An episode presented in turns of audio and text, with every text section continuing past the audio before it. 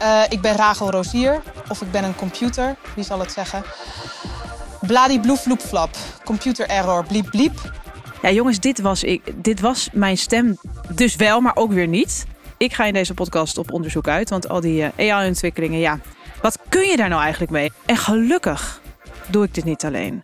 Want naast mij zit de grote AI-nerd van Hilversum, Joris Cornelie. Het is een soort hele intelligente stagiair, toch?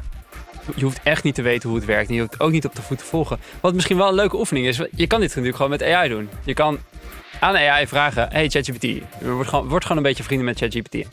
Hoe voorkomen we dat het, ehm, dat het op een gegeven moment niet uh, uh, onze, hoe zeg je dat? Uh, boven onze petten uitstijgt. De, de stagiair, die wordt op een gegeven moment ja, misschien ook wel manager. Dus, precies. Ja.